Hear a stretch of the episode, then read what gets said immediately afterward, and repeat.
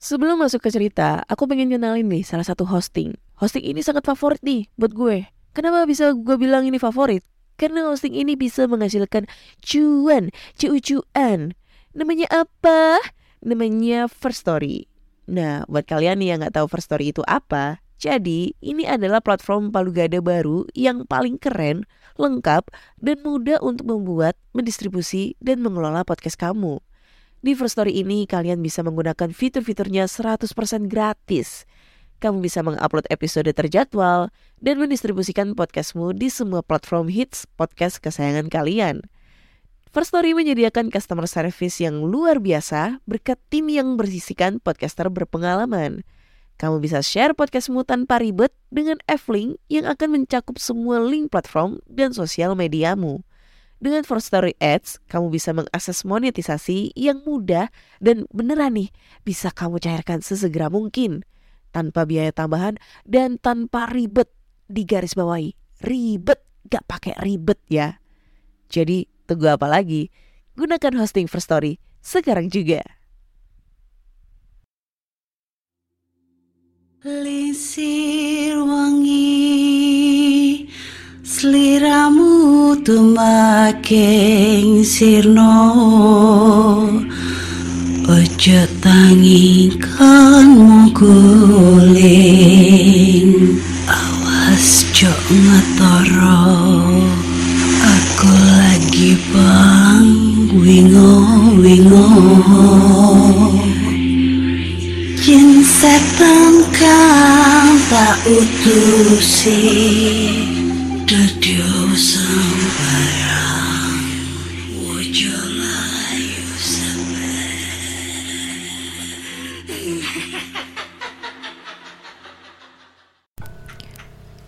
Hai Rek, ya apa kabar? Ketemu lagi dengan aku si Ana di podcast kisah horor. Kita bertemu di episode 248 dan di episode kali ini aku akan membacakan cerita horor ataupun email berhantu yang sudah dikirimkan teman-teman melalui podcast kisah horor at gmail.com atau Google Form dan DM Instagram podcast kisah horor. Oke.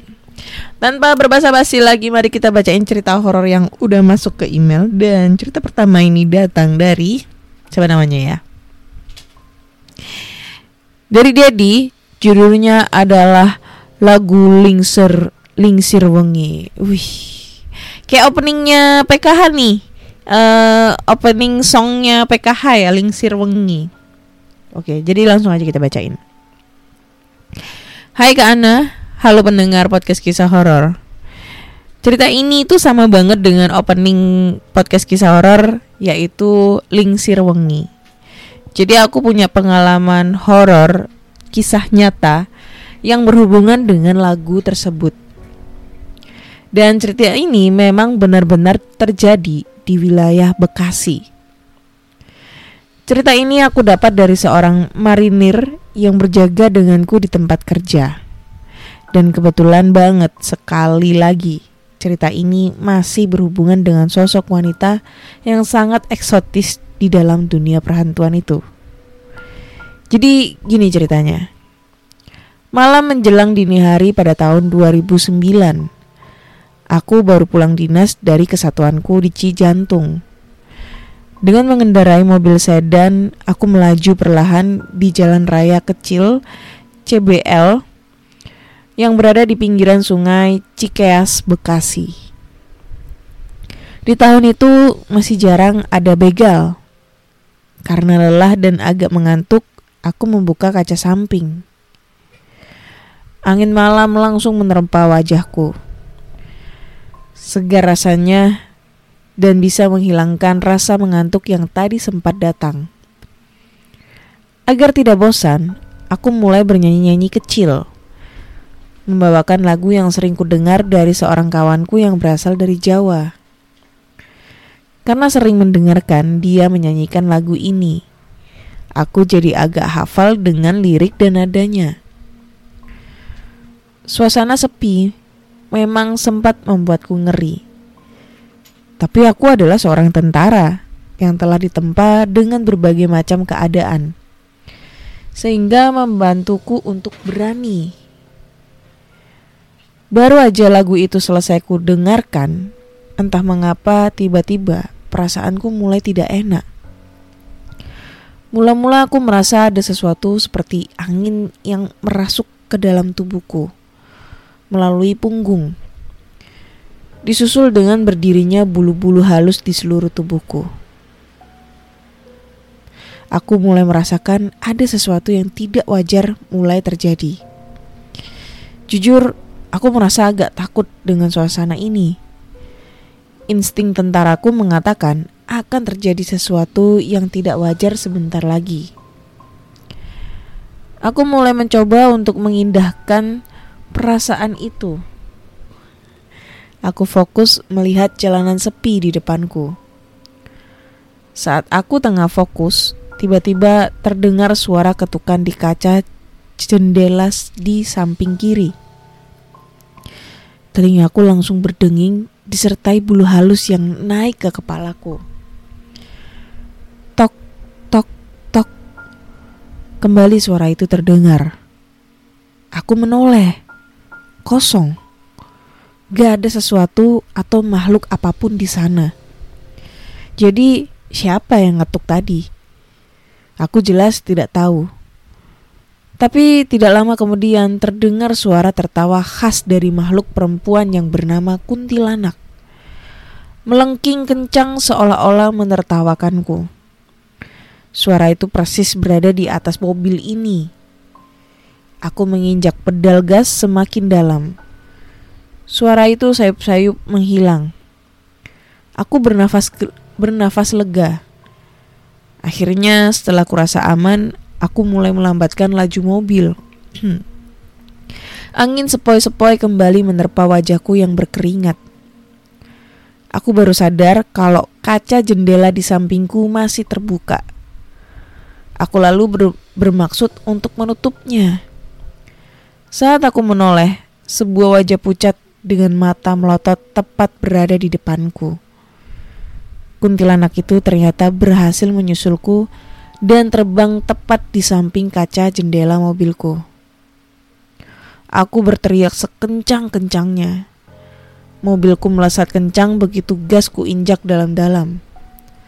Debar jantungku berdetak, berdetak kencang tak karuan. Lalu yang terakhir ku ingat, mobilku masuk ke dalam parit di samping sungai. Dan sebulan setelah kejadian itu, seorang kawanku yang berasal dari Jawa bertanya kronologi kejadian itu. Aku menceritakannya tanpa ada yang terlewati. Selesai bercerita, kawanku itu langsung tertawa terpingkal-pingkal. Usut punya usut. Ternyata lagu yang aku nyanyikan adalah ling, lagu Lingsir Wengi. Sebuah lagu yang konon bisa mendatangkan kuntilanak. Benar atau tidak, entahlah. Hmm, Oke. Okay. Selesai nih ceritanya dari si Dedi. Oke, nih ya. Gue jelaskan lagi lagu Lingsir Wengi itu sebenarnya tuh bukan lagu pemanggil setan atau pemanggil kuntilanak ya. Sebenarnya itu lagu Kidung Jawa gitu kan. E, lagu dari Sunan Kalijagat yang apa ya yang e, bermaksud untuk eh kok Kalijagat, Kalijaga. itu untuk menolak bala dan menghindari gangguan jahat para makhluk halus sebab dilantunkan menggunakan bahasa Jawa banyak yang tidak memahami lirik sebenarnya gitu. Jadi itu bukan lagu mengundang setan gitu ya, tapi justru malah lagu untuk menolak bala atau menghindari gangguan para makhluk halus. Tapi ya uh, karena pernah apa ya? Kenapa ini bisa lagi apa ya lagu ini trending menjadi lagu lagu pemanggil setan gitu ya atau pemanggil kuntilanak? Ini sebenarnya tuh terjadi pada saat kalian ingat gak film kuntilanak? Uh, apa namanya? Uh, film kuntilanak yang tahun 2006 nggak salah. Pemeran utamanya tuh Julie Estelle sama Evan Sanders. Nah itu. Kalau anak tahun 2000-an eh 90-an pasti tahu ya ini film ya. Jadi ada film kuntilanak kalian bisa cek aja di YouTube itu tahun 2006 nah itu ada eh, scene eh, mengundang apa ya memanggil kuntilanak dengan lagu Lingsir Wengi. Nah karena cara pe, pe- apa ya penyajiannya itu cara menyanyikannya itu dibikin horor ya mungkin karena emang disengaja sama si sutradara supaya ada kesan horornya ya. Akhirnya lagunya ini dibikin kayak horor kayak eh, opening aku itu. Jadinya dianggaplah lagu ini sebagai lagu pemanggil kuntilanak. Tapi sebenarnya enggak. Lagu ini tuh malah lagu untuk menolak bala untuk keselamatan kita gitu loh. Ya itulah. Kenapa? Ya itu tadi kenapa eh, asal muasal lagu Lingsir Wengi itu sangat serem. Sebenarnya nggak serem. Sebenarnya lagunya itu kayak lagu happy lagu senang dinyanyikan dalam kidung Jawa gitu kan. Tapi cuma gara-gara salah satu eh, film ya film yang judulnya kebetulan kuntilanak. Nah dibikin serem itu lagunya. Jadinya lagu Lingsir Wengi itu terkenal sebagai lagu pemanggil setan. Setannya itu apa ya? Setannya kuntilanak. Karena ini dulu dipakai dalam film kuntilanak itu kalau kalian penasaran kalian bisa cek aja filmnya itu di YouTube YouTube ada atau di eh, website nonton film bioskop. Pokoknya ini tahun 2006 filmnya. Nah mengenai si temennya ini kok bisa? Pas dengerin lagu Lingsir Wengi ada kuntilanak di situ. Ya mungkin karena kita ngelewatin jalan tol ya. Jalan tol kan udah terkenal sepi banget tuh sepi nggak ada siapa-siapa. Pada itu juga di tahun 2009 terus malam hari. Ya pastilah di situ sekitar situ kan ada penunggunya kali ya. Ada penunggunya yang nggak sengaja itu tiba-tiba muncul di depan kita gitu. Makanya eh, orang ngiranya itu munculnya kuntilanak gara-gara kita ngedengerin lagu Lingsir Wengi. Gue udah pernah nyoba eh nyetel lagu ini di tengah hutan.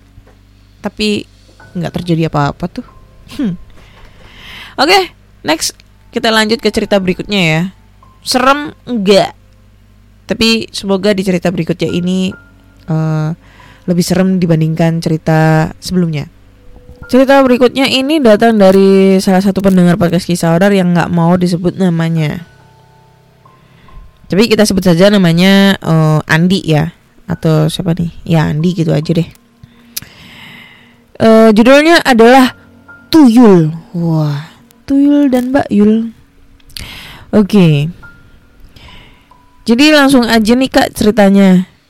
Nah, aku ingin menjelaskan eh, sedikit tentang cara menangkal tuyul ya. Mungkin banyak dari kalian yang tahu tentang bagaimana cara menangkal makhluk kecil yang menyebalkan tersebut. Seperti dengan menaruh kelereng, kaca, kepiting sawah, dan mainan lainnya. Tapi cara ini dianggap ampuh untuk menghalau tuyul mencuri uang kita. Karena ia akan sibuk bermain dan melalaikan tugasnya untuk mencuri uang. Tuyul juga suka berkaca. Ia akan sibuk memandangi dirinya di depan kaca sambil kegirangan. Sementara, cara lain bisa menaruh jarum atau benda tajamnya lainnya di samping uang yang kita simpan. Karena tuyul akan takut dengan benda tajam. Kalau ingin memastikan uang kita hilang ke mana tanpa bekas, maka bisa memakai cara di atas. Kalau gak ada yang mainin, ya berarti maling yang ngambil. Tuyul mempunyai banyak bentuk yang acak. Tak tentu ada yang kurus kering, kecil seukuran botol minuman, lalu ada yang sebesar bayi, bahkan sebesar balita. Tergantung keadaan dan suasana hati. Ia juga sering mengajak bermain anak kecil yang masih sensitif dan bisa melihat wujudnya. Ya, seperti cerita yang saya dapat dari tetangga saya sendiri. Beberapa waktu yang lalu, ketika saya pulang dari bekerja, salah satu minimarket eh, dibuat kaget oleh tangisan Ipal, sebut saja namanya Ipal ya. anak tetangga yang usianya kurang lebih 6 sampai 7 tahun. Entahlah saya tidak tahu pasti usianya.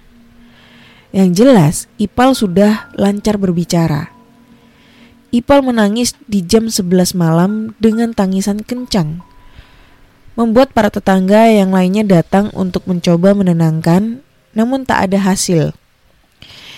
Ipal masih menangis sejadi-jadinya. Tak tahu kenapa, yang apa eh tak tahu kenapa apa yang ia minta untuk bisa menenangkan tangisnya. Orang tuanya pun nampak frustasi dibuatnya.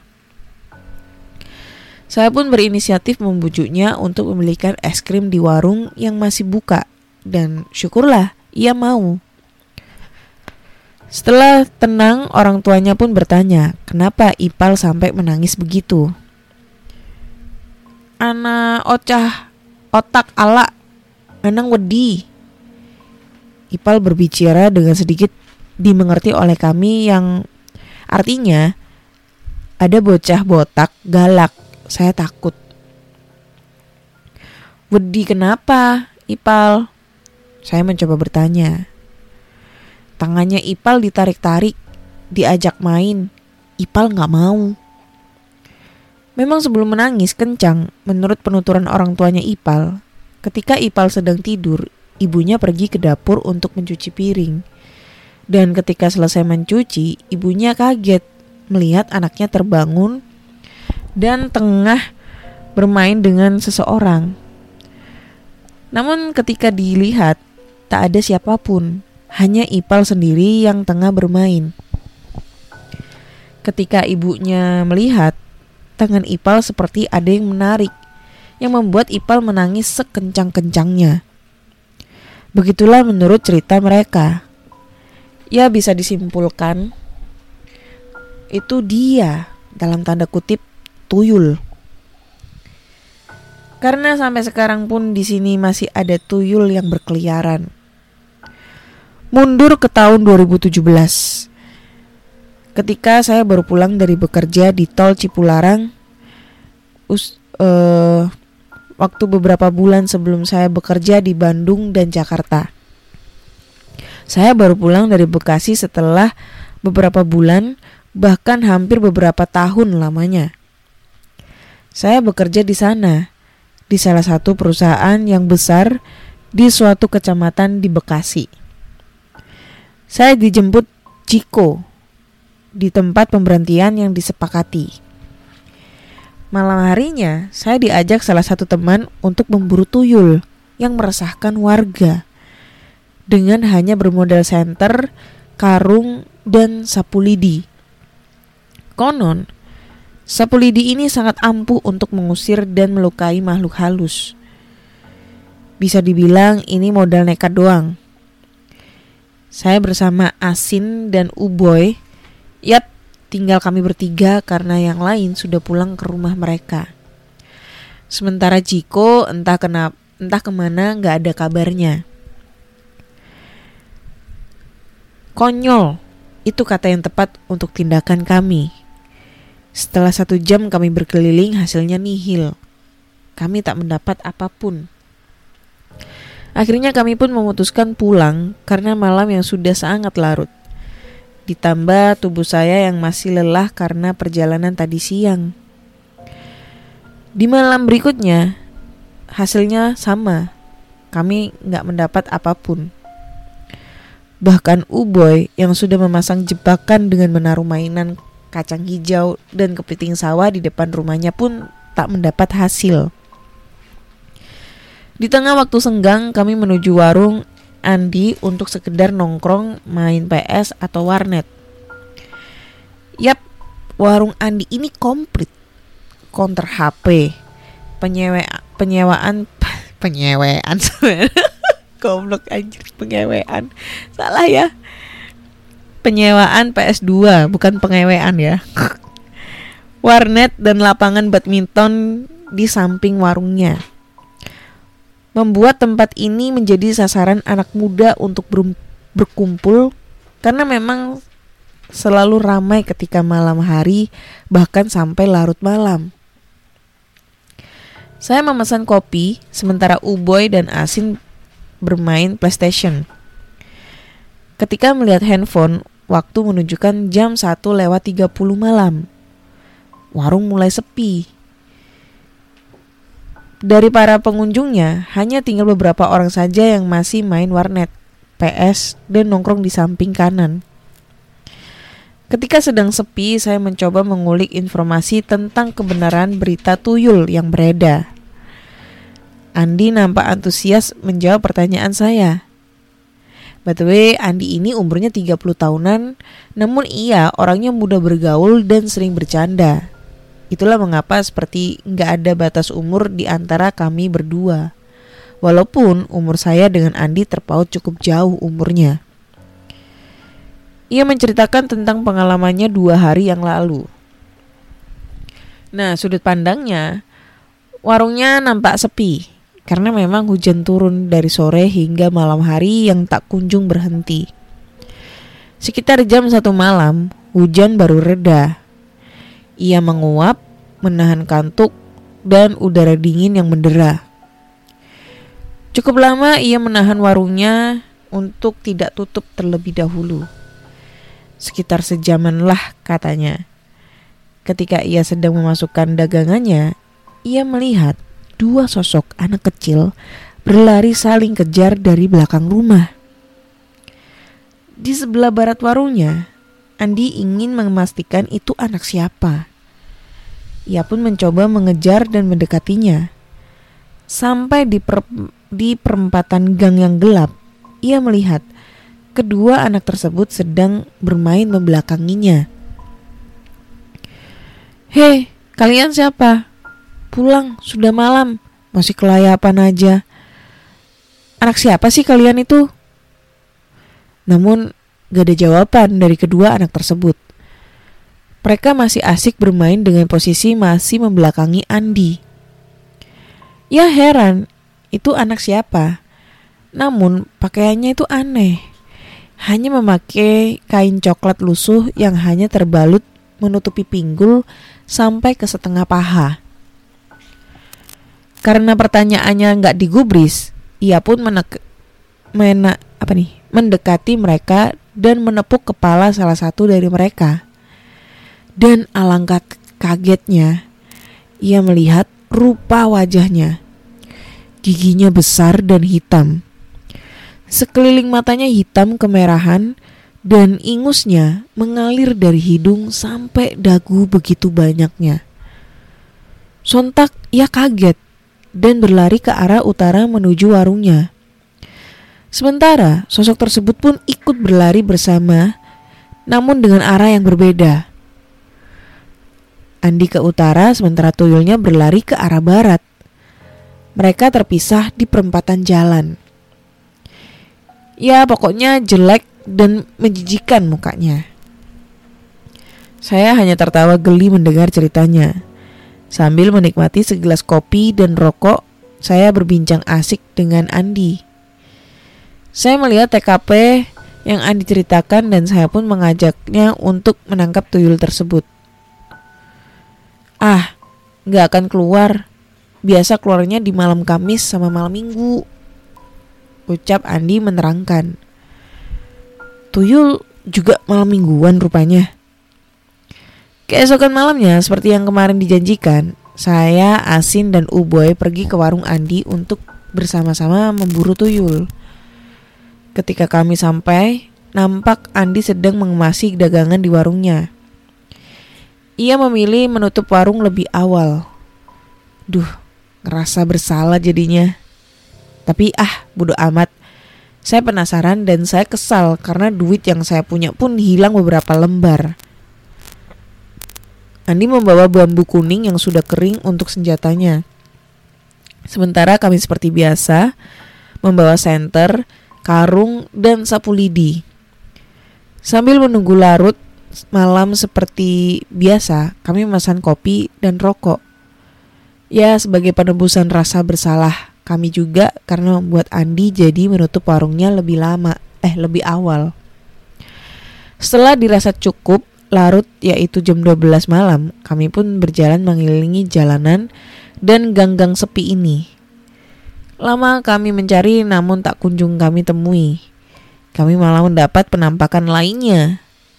Kain besar yang menggantung di atas pohon randu. Karena tak mendapat hasil sementara waktu juga menunjukkan jam 3 dini hari, kami pun memutuskan membubarkan diri untuk pulang ke rumah masing-masing. Hmm. Itu doang ceritanya setelah panjang banget. Tuyul. Ya, tuyul itu kan identik dengan kayak anak kecil gitu ya. Biasanya itu kalau kalau kalian pernah ngelihat film jadul.